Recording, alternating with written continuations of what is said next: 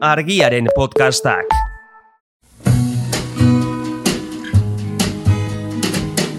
Don't know much about history. Don't know much biology. Don't know much Hau, oroimen histerikoa da. Historia diren istorioek txoratzen gaituztenon podcasta. But I do know that I love you. And I know that if you love me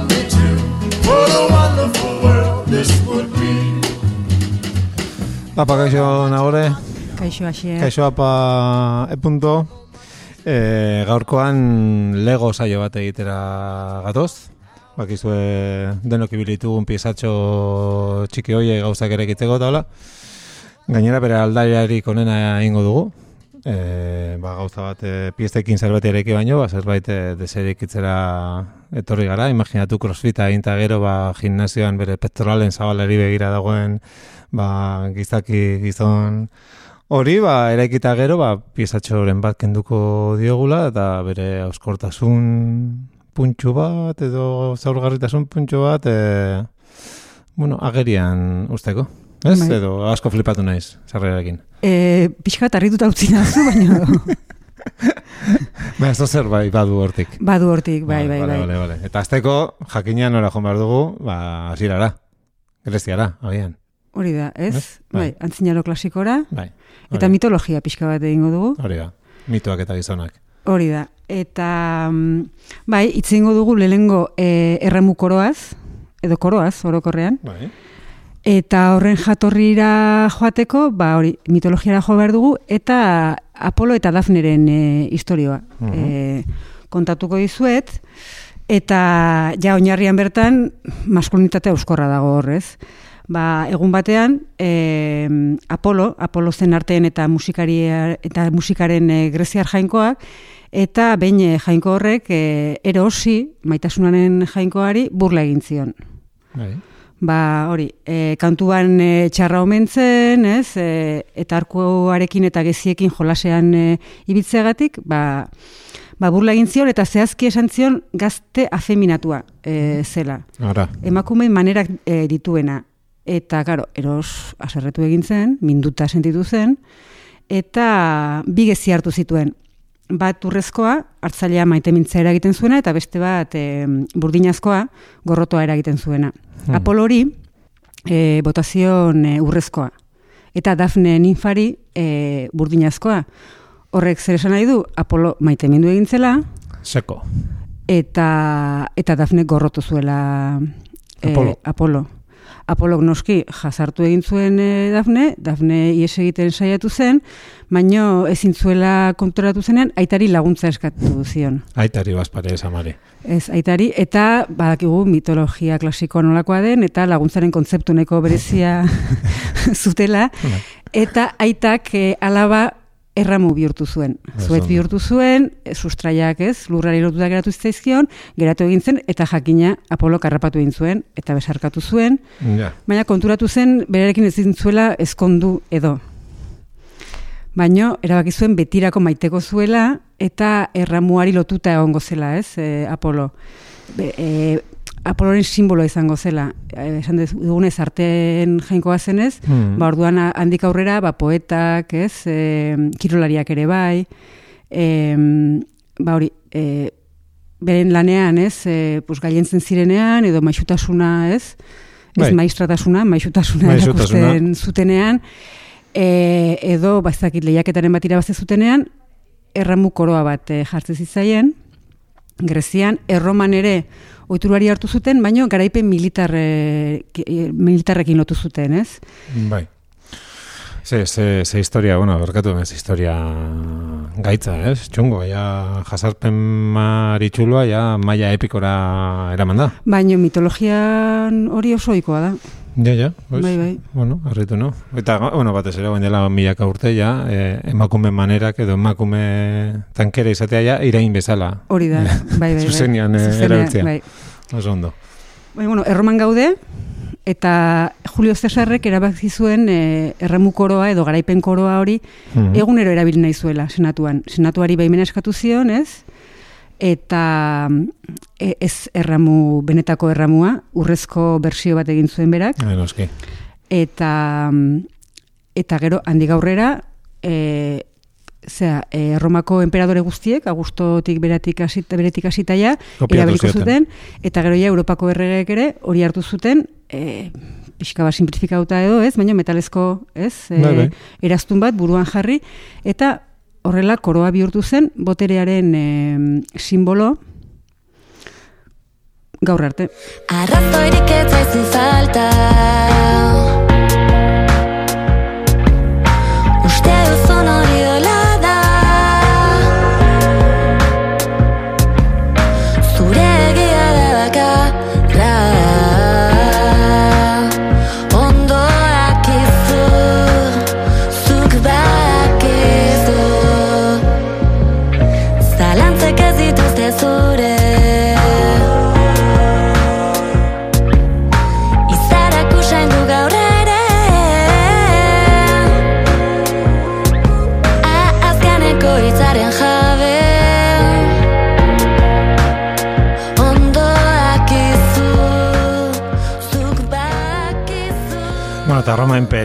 monarkia, galegia botere gune nagusietan eta olakoetatik abiatuta, boterik ur bezala, batxiri vuelta historiko batzuk egin da, inkluso gaur egun ikusi dezakegu erramukor hori, bantifa mugimenduen tan, e, ikur nagusietako bat dela, kamisetetan, e, ikurretan, eta lakoetan sarri agertzen da.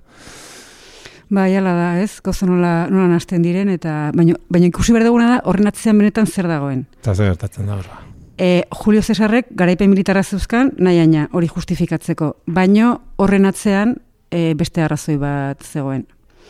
Eta da, burua soiltzen ari zitzaiola. Ara gaixoa. Bai. Oh. Eta egia da erroman hilea gizontasunaren simboloa zela, ez? Leoia zen gizontasunaren simboloa, eta ez? Le, leoiak em, daukaten ilaje ederra ere izan behar zuten, ez? Ba, benetako gizonek. Eta Julio Cesarrek, ba, ba ez zeukan. Eta orduan nola hola saiatu bertzen hori konpontzen, konponbide erresa ez zeukan, ze Claro, orduan eh, Erroma Imperialen menbe zegoen Turkia. bai, bazegoen, Eta... bai, Anatolian zegoen adibidez, e, zelako gudua irabazi zuen em, Ah, amiga. Julio Cesarrek, e, beni bidi bintxi, e, zale ezaguna? Hori, hori Hor bota zuen. egungo Turkian zen. Bai. Bai. Claro, orduan ez zen egongo E, e, mentu edo ez, injerto magiko. e, etzen egiten. Orduan, bos, konponbiderik ezean, tapatu egin bertzuen, kartoia nola baitere. Eta orduan hasieran e, bururatu zitzaion hilea aurreraka horraztea, ez? Eta eta hor eskultura askotan eta e, itxura horrekin Ah, agertzen da, ez? Orduan, anasagazti bat egin zuen. Bai, bueno, Anasagastik... Eskuinera. ez, aurreraka, dena aurreraka. Anasagastik eskuinera eta da, berak, eh, berak dena berak aurrera. aurreraka, dena aurrera. Bai. Eta eta gainak konturatzen bagera gaur egunera iritsi zaigu pixka bat orrazkera hori erromatarren ohiko orrazkera baliz bezala, ez? Ja, Eta ez. bai, bai. Eta eta gero ja hori nahikoa ez nonbait eta orduan ba komplementuren bat jarri bertzuen buruan hori estaltzeko eta horregatik e, e, erabaki zuen e, egunero eramatea koroa hori. Alea, komplexua, eh, botere bihurtuta. Hori da, Balda hori da. gizotasun toksikoren eh, ezaugarri oberik. Bai, et, baina esan behar da, Julio Cesar ez, ez dela izan ez lehena, ez bakarra, ez azkena, eta adibidez ja, e, Egipton errezeta nahiko berezia zeukaten. E, trinku ara, e, triku arantza erreak estitan eta oliotan bustita alabastroarekin, okre gorriarekin eta atzazal zatiekin nahastuta. Ja, zein buratu zitzen, no? Bururatu. E, Grezian Hipokratesek berak errezeta bat e, zeukan. Uso zirina, O- oso egokia, seguro. errefaua, kuminoa eta asunak. Ja. Bikingoek antzara ximaurra erabiltzen zuten. Eta, eta bueno, hori antzinaroan, baina gaur egun kalkulatzen da adibidez, e, 2006an soitasunari konponbidea jartzen, edo saiatzen behintzat, iru mila bosteun milioi dolar gastatu zirela munduan, eta eta eh, konparaketa bat egiteko, malariaren aurka egiteko, urteko aurrekontua, egun da berrogeita malau milioi edo Bai. Zen, hau da, hogei aldiz gutxiago. Iru mila bosteun milioi dolar, ba, aizu gutxi iruditzen zait. Ez, ega, egingo baginu inkesta bat e, mundu mailan e, gizonon lortak eskutatzea ala klima aldaketari aurre egitea, mm, lentasunetan agian Bai, hortxe, hortxe. hortxe hortxe goza. Bai.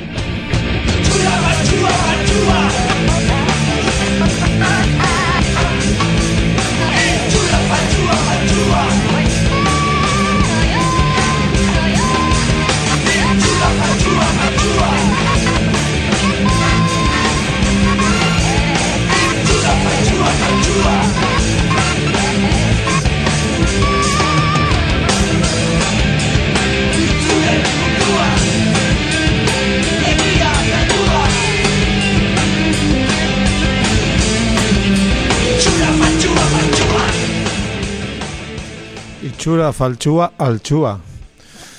E, seguro hile orden mundua bursoltasuna eskutatzeko mila trikimaioak pues ez diela bakarrak.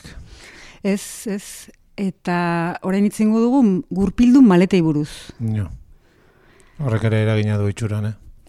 E, bai, bai, bai, bai. Eta maskulinitatearekin e, harreman zuzena dauka.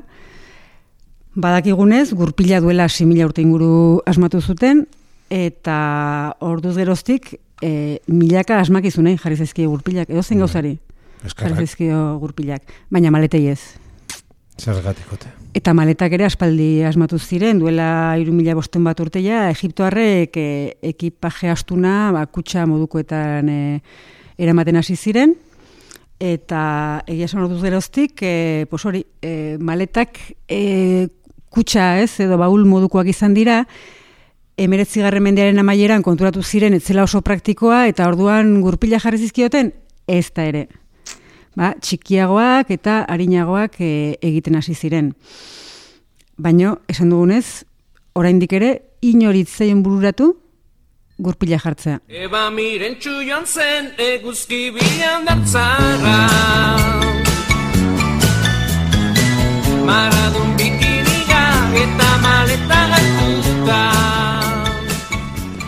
Bueno, esan bezala, eh, hainbeste milaka urteko asmakizun noiek eh, bateratzea, eh, ez zaion inori okurritu, mila beratzen eta irurogeita garren urtera arte. Milaka urte batzuk, eh? Hori da. Eta orduan e, Bernard de Shaw, e, barkatu, Bernard de e, Sadu izeneko e, maleta eta beroki enpresa bateko exekutibo bati bururatu zitzaion, e, ora emaztearekin ekipajea hitz egiten ari zela, e, altzari bati gurpilak kendu eta eta maleta bat ilotzea. Eta egia esan bere enpresan ez zioten jaramonik egin, asmakizuna patentatu zuen eta tejoka ibili zen bate, batera eta bestera.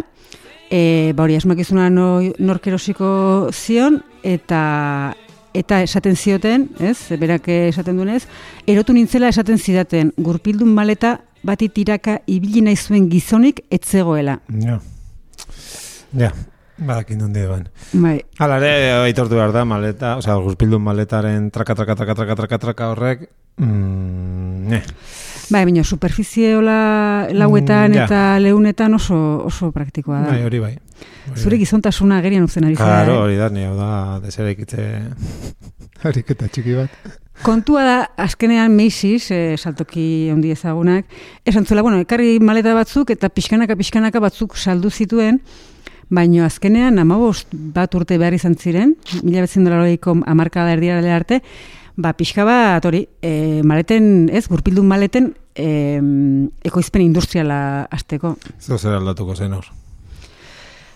Zelatu zen, uf, gauza gutxi eta mantxo, baina horre Catherine Marshall izeneko idazle eta mm, kazetari suediar bat bada, Mm eta gai hau sakon aztertu duena, eta berak esaten du gizonezkoak ez zituztela gurpildun maletak erabili nahi, ez zirelako maskulinoak, eta eta berez emakumeek ez zuten e, ez, e, gurpildun maletak e, erabiltzeko inolako arazorik, ez dute e, maskulinitaterik demostratu behar, baina zer gertatzen zen, emakumeek ez dutela bakarri bideiatzen, badakigu beti ez e, gizon baten laguntza behar dutela edo zen gauza egiteko.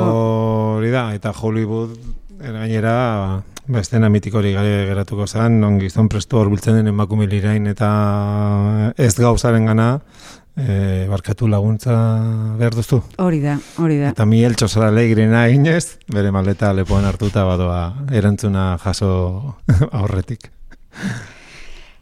Ba, Katrin Marshallek e, galdera batzuk planteatzen ditu, ez? E, gai honen inguruan, ez? E, esaten du, maskulinitateari buruzko ikuspegi nagusia nolatan da egoskorragoa merkatuak dirua irabazteko duen grina baino.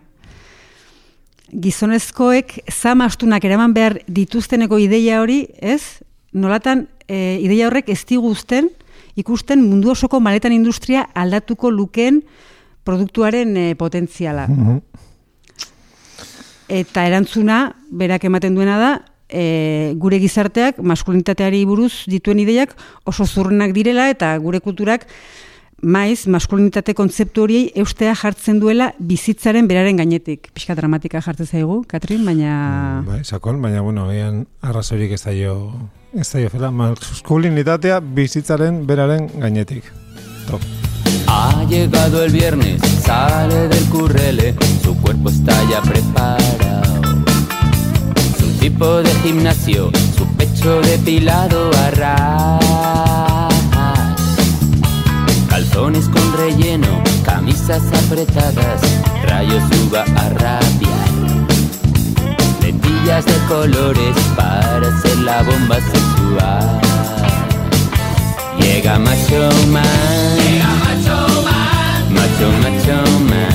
Macho, Man. Macho, Macho Man. Llega Macho Man. Llega Macho Man. Como un pavo real. Llega Macho Man. Llega Macho Man. Macho, Macho Man. Macho, Macho Man. Llega Macho Man. Bueno, e, kalberren lotxak eskutarazteko trikimailuak, e, gizonok eta gurpien arteko maitasun ezinezkoa, zer gehiago aldago? Ba, seguraski gaur eh, aipatuko dugun eh, objektuen artean eh, testosterona gehiago, gehi, ez, gehien darion eh, Ui, bai, objektua. zer dorea. Takoizko zapatak. Oi, Ze jatorrian, takoizko zapatak e, erabiltzen lehenak e, gizonezkoak izan ziren, eta zehazki zaldunak. Ititak e, izan ziren entzinaroan, e, ba hori, zapatei ez, takoi moduko batzuk eransten lehenak, ikitak. ititak, da? imperioa, Aha. ba Mesopotamia inguruko imperio bat. Eta e, azkenean horrekin lortzen zena zen, zaldien e, ibiltzean, e, zera, estriboari, ez, e, hobeto eustea. Bai. Eta horregatik erdiaroan ere, e, batez ere Asian, e, Mongolian eta eta Pertsian, e, gudariek, gerrariek, erabiltzen zituzten. E, zaldiz joaten ziren, borroka egiteko arkuak edo ezpatak erabiltzeko eskuak libre izan behar zituzten, eta azkenian oinak ez, estriboari hobeto eusteko, ba, batakoiak erabiltzen zituzten. Takoidun gudariak. Hori da. Asko gustatzen zait hori. Eta zer dauzen Europa mendebaldean, ba, erregek eta nobleek erabaki zutela, oso maskulinoak e, izan nahi zutela, ez?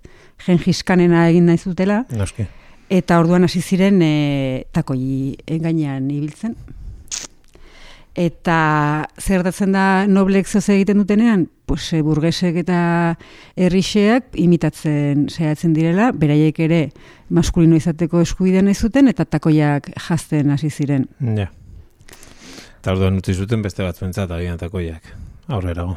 Bai, kontua da, noblek eta erreik esan zuten herrixeak, ez, jendilaje honek takoiak erabiltzen ditugu, guk handiagoak, altuagoak erabiliko palgeio. ditugu.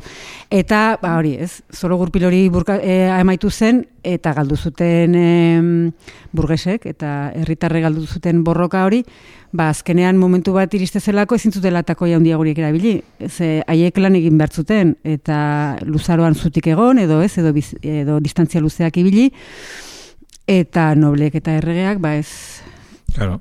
Klasea bi aldaretan, bi aldaretan nabarmendu, nabarmendu nahi zuten, ez? Klase dun monarka, hola, beti lirain, Bai. eta gero langile klasetik e, bereizi. bai. Haiek horbeian, eta gu hemen igota, tramankula hauetan. Baina zer zen emezortzi garren mendean, ilustrazioa etorri zela, ez?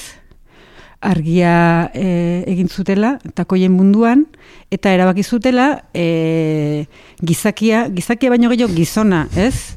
e, izaki arrazionala eta praktikoa zenez, e, Gizta, gizta ona. hori da, Eh? ba, ezin zidur, osea, asko ze jantzi eta oinetako praktikoagoak eta erosoak erabili behar zituztela eta ezin zituztela takoia jantzi. Eta takoiak zeini, ez? E, Pues.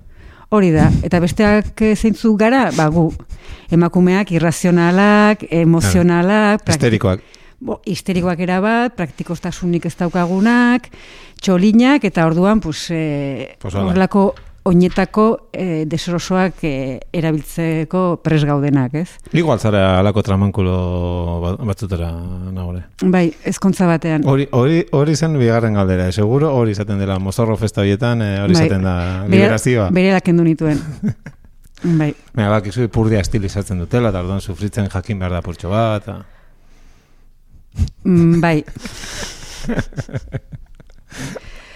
Bo, kontua da, esan dugu, ilustrazioak, bapatean, bihurtu zuen, e, zea, e, takoia, Zuena. emakumeena.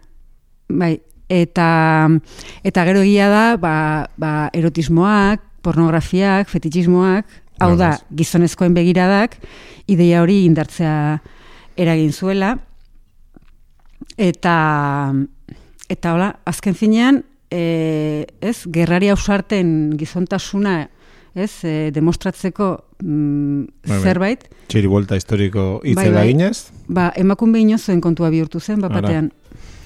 ba bitu zu ondo. Torio pari historikoa eh, erori zaizuena. Con zapatos de tacón, las nenas se ven mejor que con zapatos de piso. Con zapatos de tacón, luce más la pantorrilla cuando se ponen vestido. De tacón, las nenas se ven mejor y caminan con estilo con zapatos de tacón. Nos provocan, nos incitan y nos arrancan mis suspiros. Con zapatos Nio. Eh, Mexikoko talde feministaren batek entzuten magaitu, pues hortxe daka eskratxe bat egiteko aukera, eh, bronko taldea. Hori Bazpare. da, bai, esan behar dut, e, ekarpen hau m.p. egin didala, beraz, eskarrik asko miren. Apa, apa.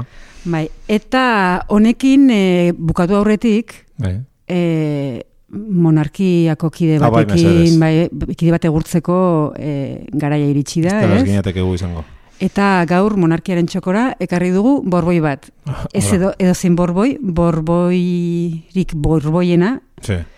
Luis Amalaugarrena, e, Frantziakoa eta Nafarroakoa. Oh, Nafarro, ah, Nafarroko bada, Bai, guria. guri borboiak tokatu zaizkigu goitik eta betik. Beti, ah, gutarra. Bai, eguzki erregea, Hoxe, polita. bai, absolutismoaren gailurra, eta pelukena ere bai, eta eta takoiena ere bai, eta nik uste historiako personarik takoizalena e, Ah, bai, eh? bai, bai, bai, bai.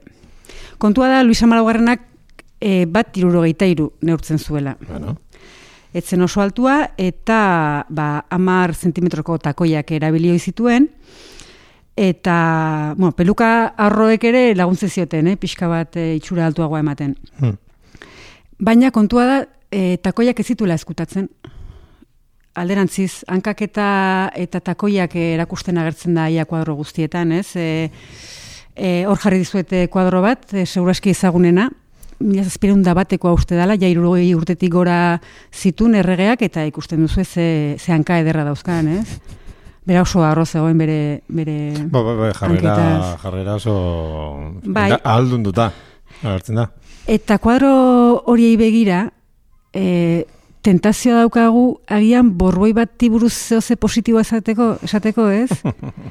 Hau da, ze, ze ausarta, zirautzailea, ez? E, ikusten duzu kuadro hori eta ikusten duzu hori, ez? E, iztarretatik gora, neguko arropa katalogo osoa daukala gantzita, bai, bai, bai, hala da. eta hankei begira gehiago ez dakit pina edo, ez? Edo Bai, berete bai. bat ematen duela, ez? Baina, bueno, hori ingo bagenu azkenean e, presentismoa egiten ariko ginak, eh? Orainkeria. Bai, hori da. Orainkeria. Itu. Eskerrik asko, bai. Eta azkenean, ez, takoiez eta gizontasunaz, eta emakume, ez, eh, daukagune kontzeptua erabiltzen ariko ginake. Eta gaina, esan neko luke, irentxi dugula erabat, takoien historiarekin egin diguten manipulazio hori, ez? Ba, bai. Eta gaurko entzun da, ba, ia balio dun, horri voltatxo bat ematen, eta agian, gu hasi berko ginateke takoi batzu jazten, o, edo agian dauden takoia moztu. Nahi duenak erabilitz ditzala, Ez? eta nahi duenak ez, eta etiketa guztiak ez, e, kentzea. Ja, bueno, niri presentismoa gustatzen zaidenez, beitu, eh, eskaira bat amaitzeko. Albina Starduzti eskaira, bera nafarra denez be bai, ba, bere kanta bat, eh, Luis ama laugarrenan ofitarekin jantzita, kantatxo bat egitea ondo ongo zen. Nafarroko Ba, bai. Bai, bat nator, dragena. eskaera horrekin. Que, venga, opa, Albina. Argiaren podcastak. Podcast hau libre eta doan zabaldezakegu argiaren komunitatea osatzen duten milaka lagunek proiektua diruz babesten dutelako. Zuk ere kazetaritza independentea bultzatu nahi baduzu, egin zaitez argiako kide.